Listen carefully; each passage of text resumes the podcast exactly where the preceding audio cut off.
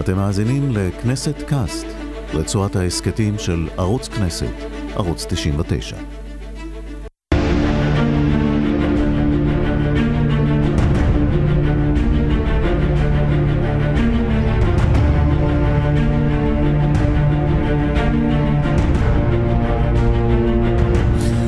שלום לכם גבירותיי ורבותיי. מלחמות היהודים הוא שם ספרו הידוע של יוספוס פלביוס, יוסף בן מתתיהו, אה, שעוסק במלחמות היהודים בתקופת אה, בית שני. אנחנו לווינו את השם הזה והכתרנו בו את סדרת ההסכתים העוסקת במריבות שנטושות בין יהודים לבין עצמם, כמעט משחר בריאתו של העם היהודי. בכל הסכת, אני, אהרון לונדון, משוחח עם מלומן, שזה נושא מחקרו, מומחה לאחת המחלוקות הקשות האלה. והיום אנחנו עוסקים באחד האסונות המדיניים הכבדים ביותר שהסבו היהודים, טרם קראו להם עדיין יהודים, הסבו היהודים האלה לעצמם. האסון הזה התרחש לאחר תקופה בת כמה עשרות שנים, שבהם התגבשה הממלכה האדירה של דוד ושלמה.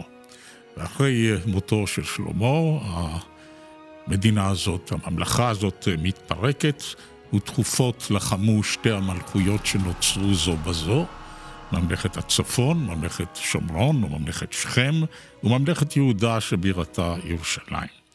אנחנו משוחחים עם הפרופסור יגאל לוין מהמחלקה לתולדות ישראל ויהדות זמננו באוניברסיטת בר אילן.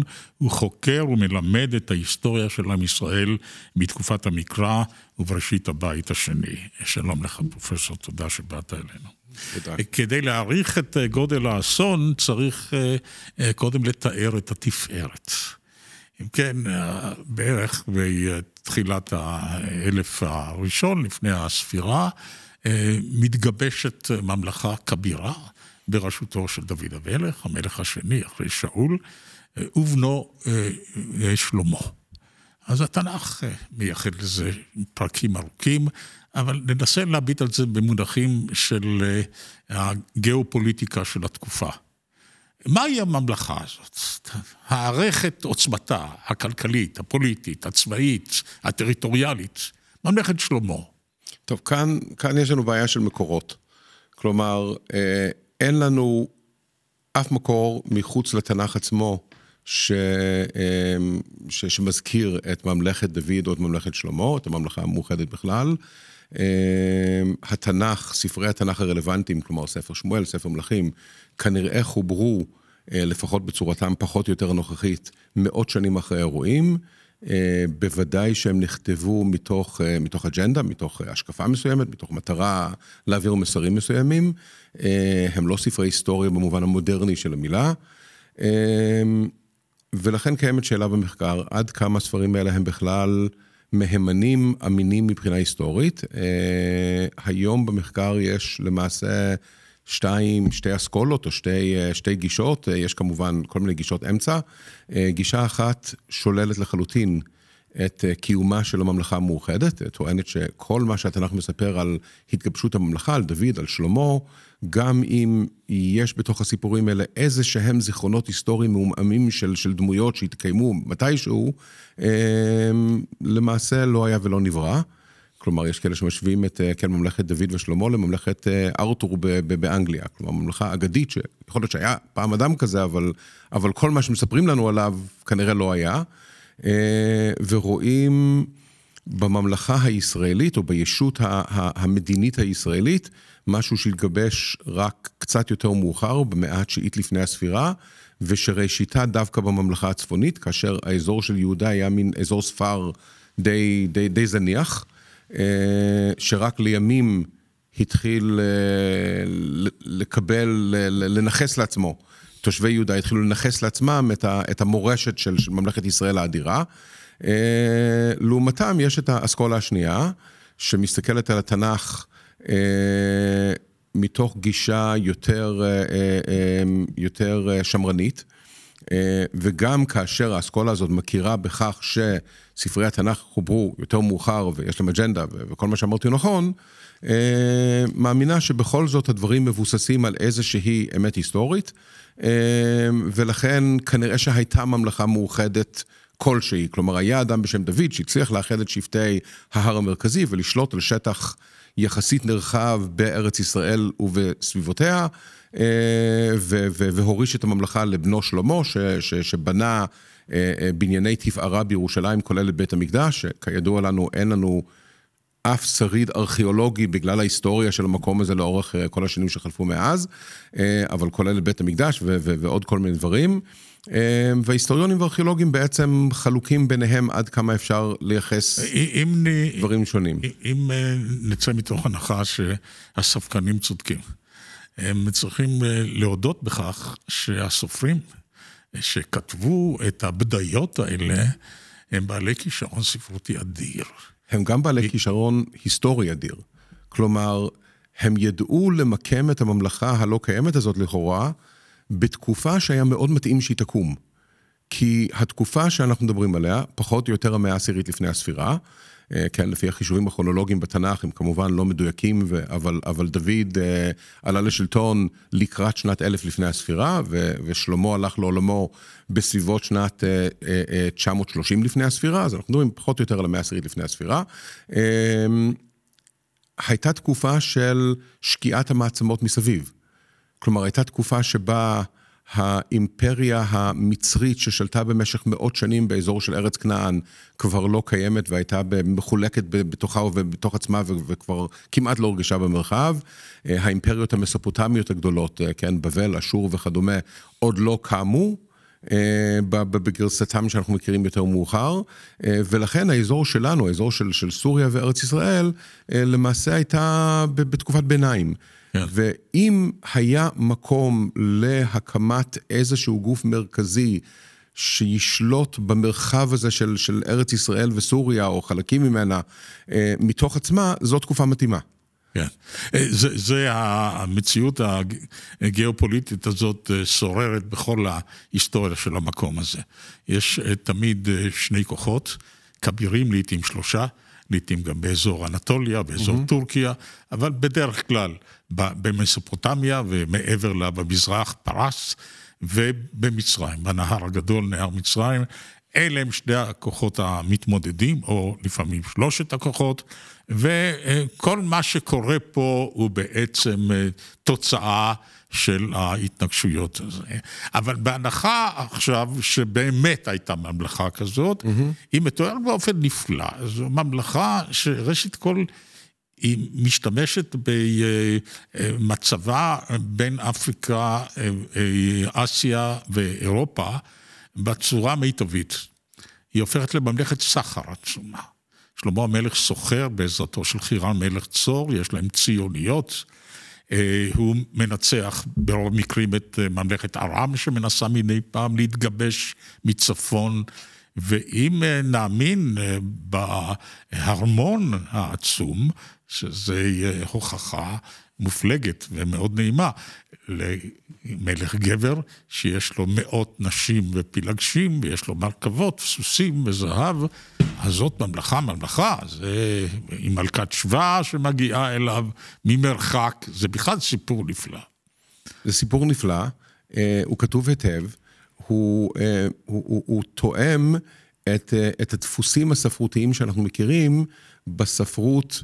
על מלכי בבל ועל מלכי פרס, שיותר מאוחר, אה, ולכן מי שספקן כלפי הסיפורים האלה, יאמר, בסדר, המחבר היהודאי הזה, שישב לו בתקופת אה, האימפריות הגדולות, אה, למעשה לקח את מה שהוא ראה בחצר אה, נבוכדנצר, yeah. או בחצר, חצרו של דריווש מלך, מלך, מלך פרס, או אחשורוש מלך פרס, עם הרבה נשים, אם כבר הזכרת, וייחס את זה לשלמה. בעיקר בקטע טוב, אבל עם נימה מסוימת של ביקורת. אני, אני רק אמחיש את הדבר הזה בקטע אחד מאוד קצר, במלכים א' פרק ה', כאשר המחבר מתאר את, אה, אמ, את, את ממלכת שלמה. אז הוא כותב את הדברים הבאים, סליחה, אמ, כן, הוא כותב את הדברים הבאים. אמ, ושלמה היה מושל בכל הממלכות. מן הנהר ארץ פלישתים ועד גבול מצרים, מגישים מנחה ועובדים את שלמה כל ימי חייו. ואני מדלג שני פסוקים פה. כי הוא רודה בכל עבר הנהר, מתפסח ועד עזה, בכל מלכי עבר הנהר, ושלום היה לו מכל עבריו סביב. וישב יהודה וישראל לבטח איש תחת גפנו ותחת תאנתו, מדן ועד באר שבע כל ימי שלמה. קודם כל יש פה חלוקה טריטוריאלית. כלומר, ישראל ויהודה יושבים מדן ועד באר שבע. בתוך תחום ארץ ישראל. אמ, שלמה מושל בכל עבר הנהר מתפסח ועד עזה, תפסח היא עיר על נהר הפרת. בצפון הרחוק, עד עזה שהיא בעצם העיר המשמעותית הדרומית ביותר בואכה מדבר צפון סיני, בואכה מצרים, ו- וכתוב שהוא מושל בכל עבר הנהר. עכשיו, עבר הנהר הוא שמו, שמה, שמה הרשמי של הנציבות הבבלית, אחר כך בעיקר הפרסית, שכללה את כל הטריטוריה מנהר הפרת, מערבה עד הים, עד גבול מצרים. עבר הנהר זה העבר הזה שלנו, Aha. של נהר הפרת מנקודת מבט מסופוטמית. זה כאילו ש, ש, שמישהו כאן ישתמש במונח המזרח התיכון. הרי אנחנו בעיני עצמנו לא מזרח. כן. אנחנו מזרח תיכון בעיני אירופאים. אבל אימצנו לעצמנו את המושג הגיאוגרפי האירופי הזה Aha. כדי לתאר את עצמנו. כלומר, המחבר כותב את, את, את, מתאר את ממלכת שלמה מתוך נקודת מבט מסופוטמית. כן, זה מעניין. זה מעניין. עכשיו, בוא נגיע לסיפור. הסיפור הוא מתואר בארבעה פרקים. אה, הוא בערך כזה, הוא ארוך ומסובך, ואני אנסה לתמצת אותו. אם כן, אה, שלמה מגיע לקץ ימיו, יורשו הוא רחבעם, אחד מילדיו, והוא מכריז על עצמו, מכריז על עצמו כמלך, אבל יש לו יריב, ליריב הזה קוראים ירבעם. וירם הוא פקיד, הוא בעצם מהנדס, הוא עוזר לבנות את הדייק בחומה, פקיד מצטיין, ושלמה נותן לו תפקיד בכיר. אבל הבחור הזה כנראה מתמרד והוא בורח למצרים ויושב אצל שישק הפרעה שנותן לו חסות, ויש שם עוד אחד שמקבל חסות, שמו אה, מידד או הידד או הדד ארזר, שלימים הוא יהיה מלכה של אה, ארם, ארץ ארם מצפוננו. בשלב מסוים, כאשר אה, רחבעם אה, מציג את עצמו כמלך, נוסע לשכם, אה, העם פונה אליו בבקשה או בתחינה או בדרישה, תשמע אדוני המלך, העול שהטיל עליך אבינו הוא עול כבד מדי, הכוונה הוא כנראה לעבודת פרח, עבודת כפייה, הקל עלינו. ואז הוא מתייעץ עם היועצים של אביו, הזקנים, והם אומרים לו, שמע, מלך חדש, תקל עליהם. זה היה באמת עול כבד מדי. זה לא מה שהם אומרים. זה בערך, זה אינטרפרטציה שלי. מה הוא אומר? הם אומרים, הם אומרים, תגיד שתקל עליהם, ואז ברגע שתהיה מלך, תעשה מה שאתה רוצה. הם אומרים לי לא פוליטיקאי. נכון, נכון. אבל יש לו גם חבורה של צעירים, שקוראים להם בתנ"ך הילדים, והם אומרים לו, עזוב, עזוב, אם אתה תתחיל לוותר להם, להראות חולשה, לא תגבור טוב. תגיד להם, ואז הוא אומר את הפסוק המפורסם כל כך, אבי ייסר אתכם בשוטים, אני אייסר אתכם בעקרבים. עקרבים זה לא עקרבים, זה לא הרמסים האלה, אלא זה שבטים שבקצה שלהם יש גולות עופרת כאלה. כבשים. כן, נכון, מכים כבשים. אז מותני אבה מקוטני אבי, כלומר, אם אבי נראה לכם שמן וגדול, כן, קוטני, קוטני עבה ממותי אבי, כן. זאת אומרת, הזרת שלי יותר עבה מה... לא, לא, לא, לא, לא, לא, הוא לא מדבר על זרת. הוא מדבר על מותניים והוא מדבר על קטן. הוא מתכוון למשהו אחר לגמרי. הקוטני זה לא הזרת שלו? זה לא הזרת, הוא מדבר על איבר קטן, שנמצא ליד, המ... בין הרגליים. שנמצא ליד המותניים, הוא משווה אצל המותניים של אביו, הוא אומר, אני הרבה... עבר המין שלי... אגב, זה לא הוא אומר. הילדים, כן. החברים שלו מהארמון, כן. אומרים לו לומר את זה, כש, כשמסופר שהוא חוזר על הדברים, דווקא למשפט הזה הוא מדלג. אה. כלומר, בכל זאת, התדמית המלכותית מנעה ממנו ממש להשתמש בגסויות. כן. אבל הוא לא התכוון לזרם. טוב, אז הוא שולח את... אה, איבר קטן. הוא רוצה להגיד, אני יותר, הם אמרו לו, תגיד, תראה, צריך לדעת לקרוא בין השורות, בסדר. יותר גבר מ... המורה שלי לתנ"ך לא הסביר לי את זה אז אה, כן. ואז הוא שולח את אדורן, אה, שהוא פקיד המס שלו הבכיר, לגבות מס או להטיל את אוכפו. ואז הורגים אותו, רוגמים אותו באבנים, פורץ מרד, רחבעם בורח לירושלים בירתו, והממלכה נחצית. היא נחצית באופן כזה שעשרה שבטים הולכים עם ירבעם, ושני שבטים, בעצם בנימין החלש, שמעון כבר לא קיים כמעט, הוא בפאתי הדרום, הוא לא מוזכר כמעט, בעצם שבט אחד, זה שבט יהודה, זה השבט, ובנימין עוזר עמו, ונוצרות שתי ממלכות, אחת גדולה מאוד, פי חמישה בשטחה, כנראה מיהודה. תלוי איך אתה מודד שטח, אבל... אבל, אבל והיא כן. ממלכה, בתקופות מסוימות ממלכה אה, משגשגת, משגשגת. טוב, תאר אותם. מה, יש להם אופיים שונים? יש להם אופיים שונים, וזה כנראה עניין היסטורי. כלומר, אנחנו מתארים את הממלכה המאוחדת, בהנחה שהייתה כזאת, כממלכה מאוחדת. אבל האמת היא שהיא כנראה לא הייתה כזאת מאוחדת. אם קוראים היטב את מה שכתוב, כששאול הופך להיות מלך ישראל, ותזכור, שאול הוא איש בנימין. כששאול הופך להיות מלך ישראל ומגייס את אנשי ישראל למלחמה הראשונה שלו, שהיא מלחמה נגד אה, אה, נחש העמוני אי שם ב- ביבש גלעד בצפון עבר הירדן. מסופר שהוא גייס את האנשים והם התייצבו בבזק. אה, כן, מי שבדור שלי עשה טירונות בגולני היה, בסדר, זה הבזק הזה, זאת אומרת, בצפון השומרון היום. כן. אה, בסדר, הוא גייס שם את האנשים בבזק, ואז כתוב שהגיעו אליו 300 אלף איש ישראל ו-30 אלף איש יהודה. Mm-hmm. ישראל ויהודה כבר אז נמנים בנפרד, ושים לב שהיחס הוא אחת לעשרה. זאת אומרת, כבר, עכשיו, אני לא יודע אם זה המחבר שכבר רומז לנו מה יהיה בעתיד, או שזאת המציאות של התקופה.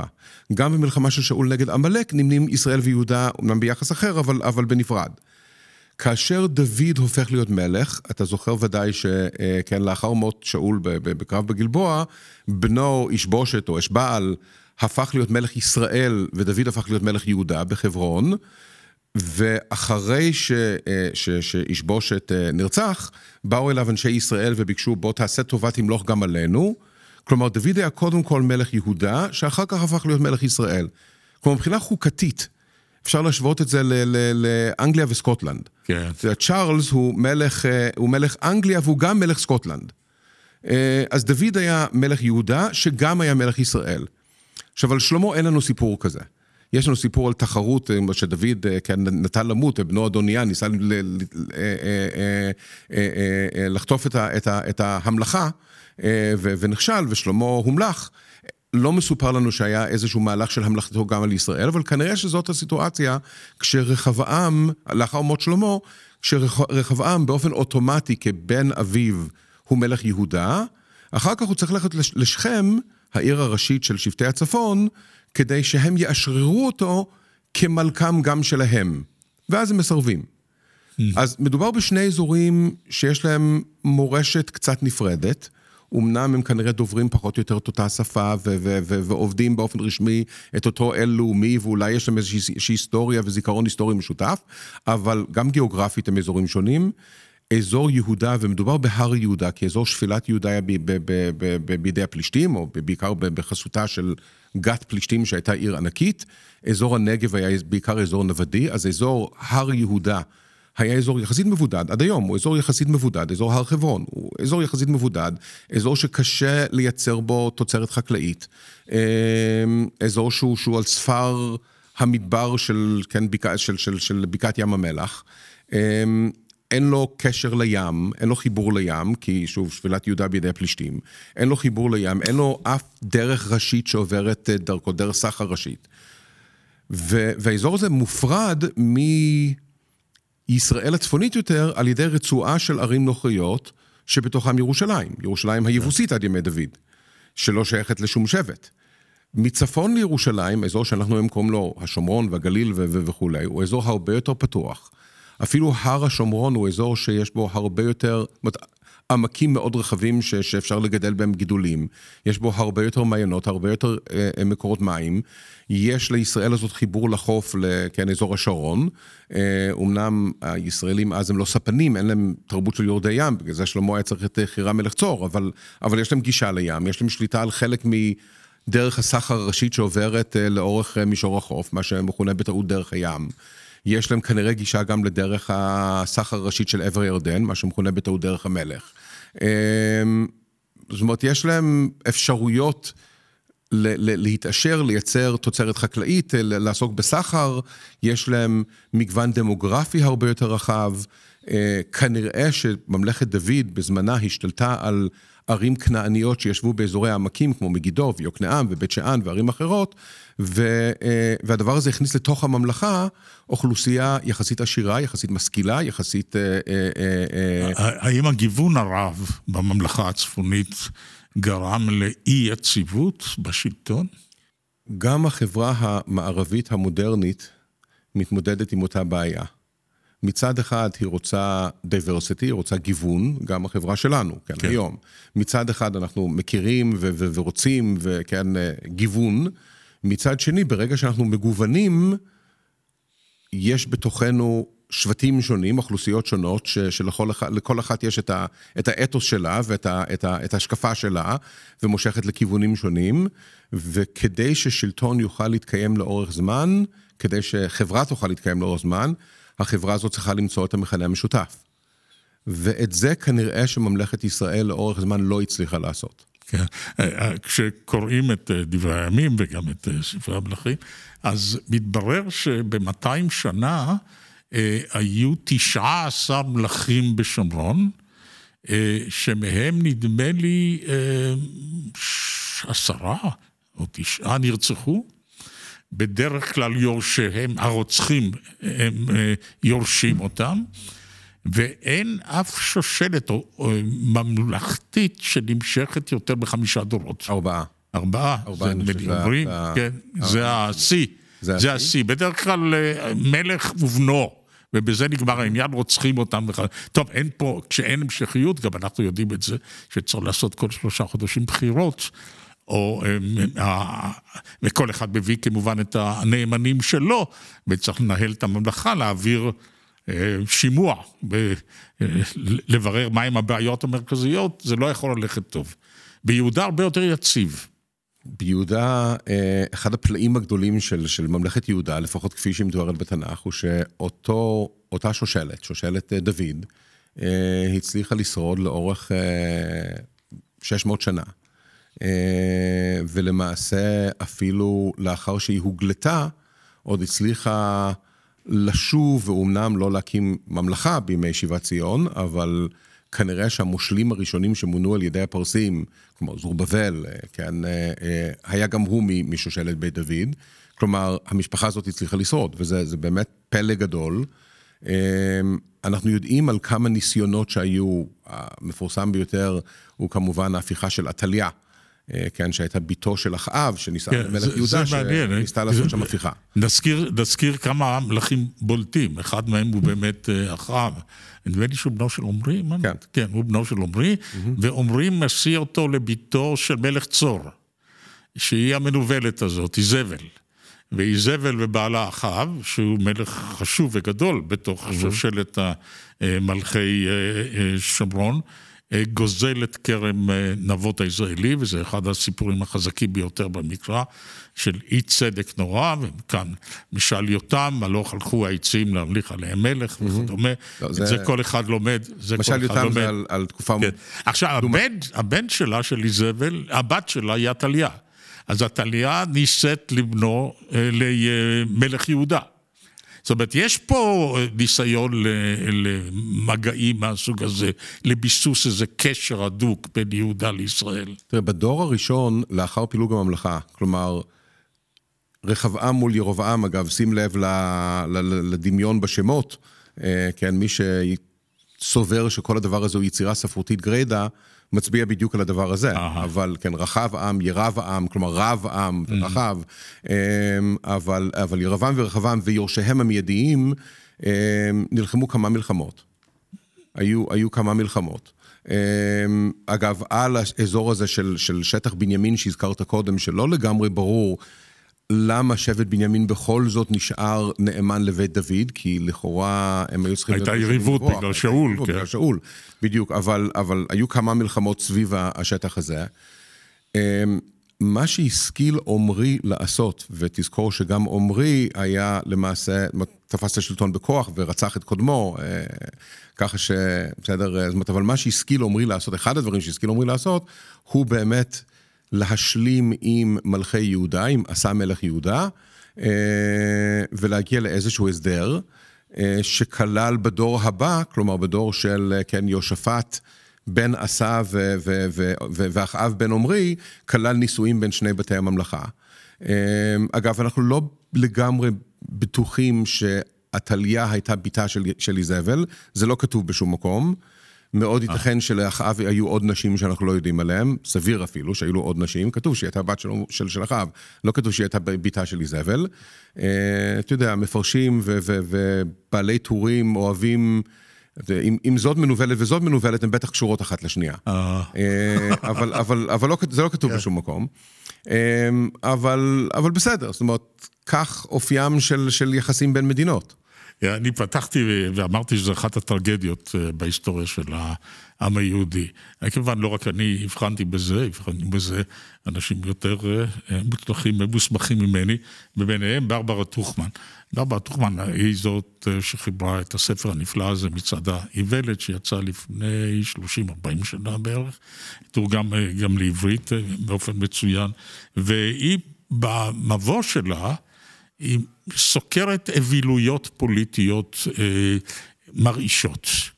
והיא מקדישה שני עמודים תמימים לפרשת אה, אה, רחבעם השוטה, שלא ידע איך לתחזק את הממלכה של אביו.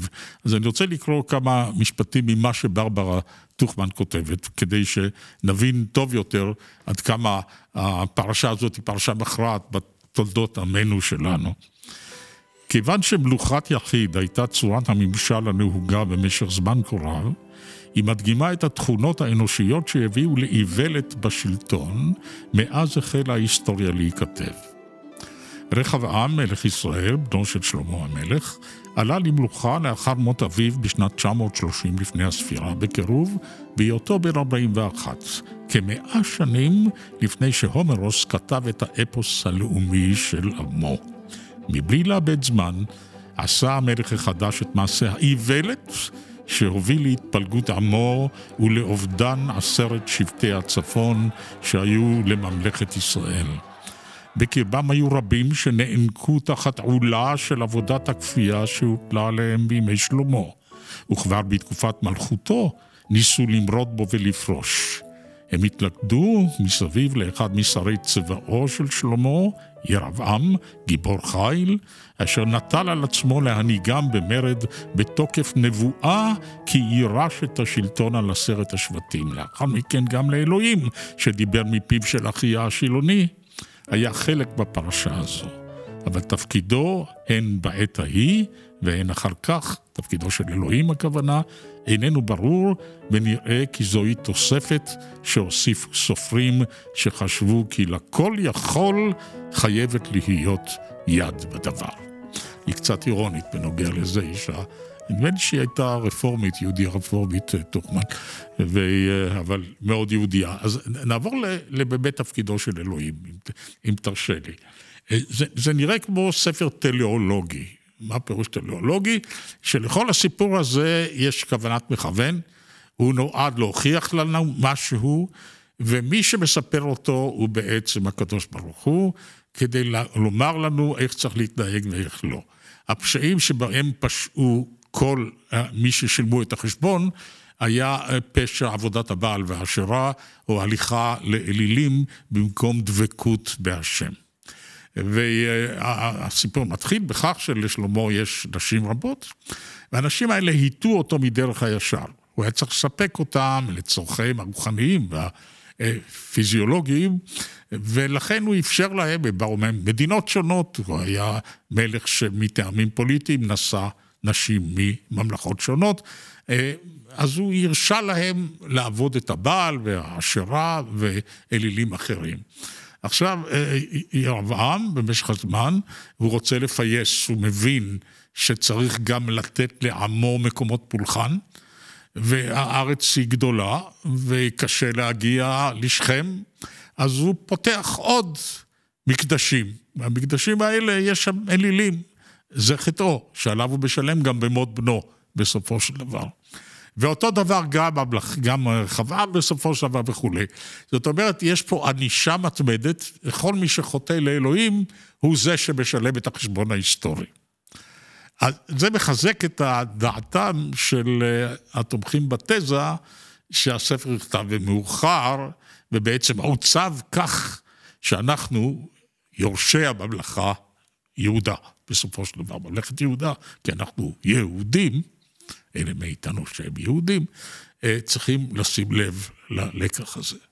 תראה, לגמרי ברור שמטרתו של ספר מלכים, כמו כל ספר בתנ"ך, אה, היא להעביר מסר, והמסר הזה הוא דתי, והמסר הזה הוא, ש... אה, כן, המסר הזה עוסק בקשר בין עם ישראל לבין אלוהי ישראל. כמובן מתוך תפיסה שאלוהים בחר בעם ישראל ונתן להם את התורה, והם אמורים לקיים את מצוות התורה. הרבה מאוד אה, פרשנים שמו לב לכך ששלמה מוצג מצד אחד כאדם שאלוהים נתן לו חוכמה, אה, כן, בשיחה דיברנו על משפט שלמה, זאת אומרת, כן, אלוהים, מלכת שבא, אלוהים נתן לו חוכמה, אלוהים נתן לו עושר ו- ו- וכדומה, אלוהים נתן לו את כל התנאים הכי טובים, נתן לו את האימפריה הגדולה שבנה דוד אביו, אה, ורק ביקש שהוא יקיים את מצוות התורה. עכשיו, בספר דברים, יש ציווי, בספר דברים פרק י"ז, יש ציווי ממשה, זאת אומרת, מאלוהים למשה, כיצד בני ישראל אמורים לנהוג כאשר ייכנסו לארץ וישימו עליהם מלך, ובין היתר כתוב שאותו מלך לא ירבה לו נשים, לא ירבה לו כסף וזהב, לא יוריד את העם מצרימה למען הרבות סוס, לא ירבה לו סוסים, ושלמה מוצג כמי שמפר את כל הכללים האלה. כלומר, ברור לחלוטין שבתוך העולם של ספר מלכים, ואני לא חושב כמו טוחמן שהיה איזשהו סיפור היסטורי שמישהו הלביש עליו את אלוהים, אלא אלוהים הוא בתוך הסיפור מלכתחילה. בתוך העולם של ספר מלכים, אה, אלוהים הוא זה שמכוון את ההיסטוריה. אה, ו- ו- ו- ומטרת הסיפור, הסיבה שהתפלגה הממלכה, היא בגלל ששלמה לא קיים את המצוות. את המצוות, מצוות אלוהים, אה, כן, כיצד אמור לנהוג מלך. זו הסיבה.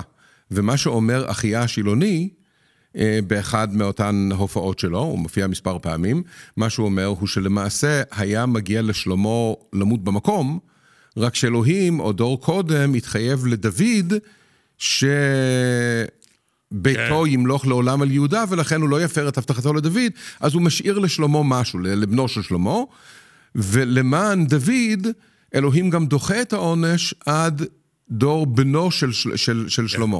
כן. אבל בעצם מחבר ספר מלכים נוקט בו בגישה מאוד דטרמיניסטית. כלומר, הוא אומר, לא רחבעם הוא זה שאשם בפילוג הממלכה. אלא שלמה אשם. וזה היה קורה גם כך וגם כך, ורחבעם הוא למעשה, ואפשר להשוות את זה לטרגדיה יוונית טובה, שבה הדמויות בעצם לא שולטות במה שקורה, כן, הגורל הוא זה ששולט, כן, האלים או הדמויות שולטות, לרחבעם אין שום שליטה בעניין. מהבחינה הזאת אני, אני לא מסכים עם טוחמן. האיוולת של רחבעם היא לא זו שגרמה לפילוג הממלכה. עכשיו, גם בראייה היסטורית, בגלל מה שאמרתי קודם, גם אם באמת דוד ושלמה שלטו בישראל הצפונית לאורך תקופה מסוימת, כיוון שישראל הצפונית היא גדולה יותר, והיא עשירה יותר, והיא מפותחת יותר. גם מבחינה ארכיאולוגית אנחנו רואים את זה, שם נמצאות הערים הגדולות. ירושלים בתקופה הזאת היא עיר מאוד מאוד קטנה, ואין עוד ערים גדולות בארץ יהודה. אמ, המצב הזה שמלך שיושב בירושלים או בחברון, ביהודה, שולט על ישראל הגדולה, לא היה יכול להתקיים לאורך זמן. ולכן הפילוג הזה היה, היה ברור מראש. זאת אומרת, הוא היה, הוא היה מכוון מראש. אם זה היה קורה כך, או היה קורה אחרת, אם זה היה קורה בימי רחבעם, או שזה היה קורה דור אחד אחר כך, בסופו של דבר משהו היה קורה. כן, זה מעניין. עולה על דעתי שכשאתה קורא את... Uh...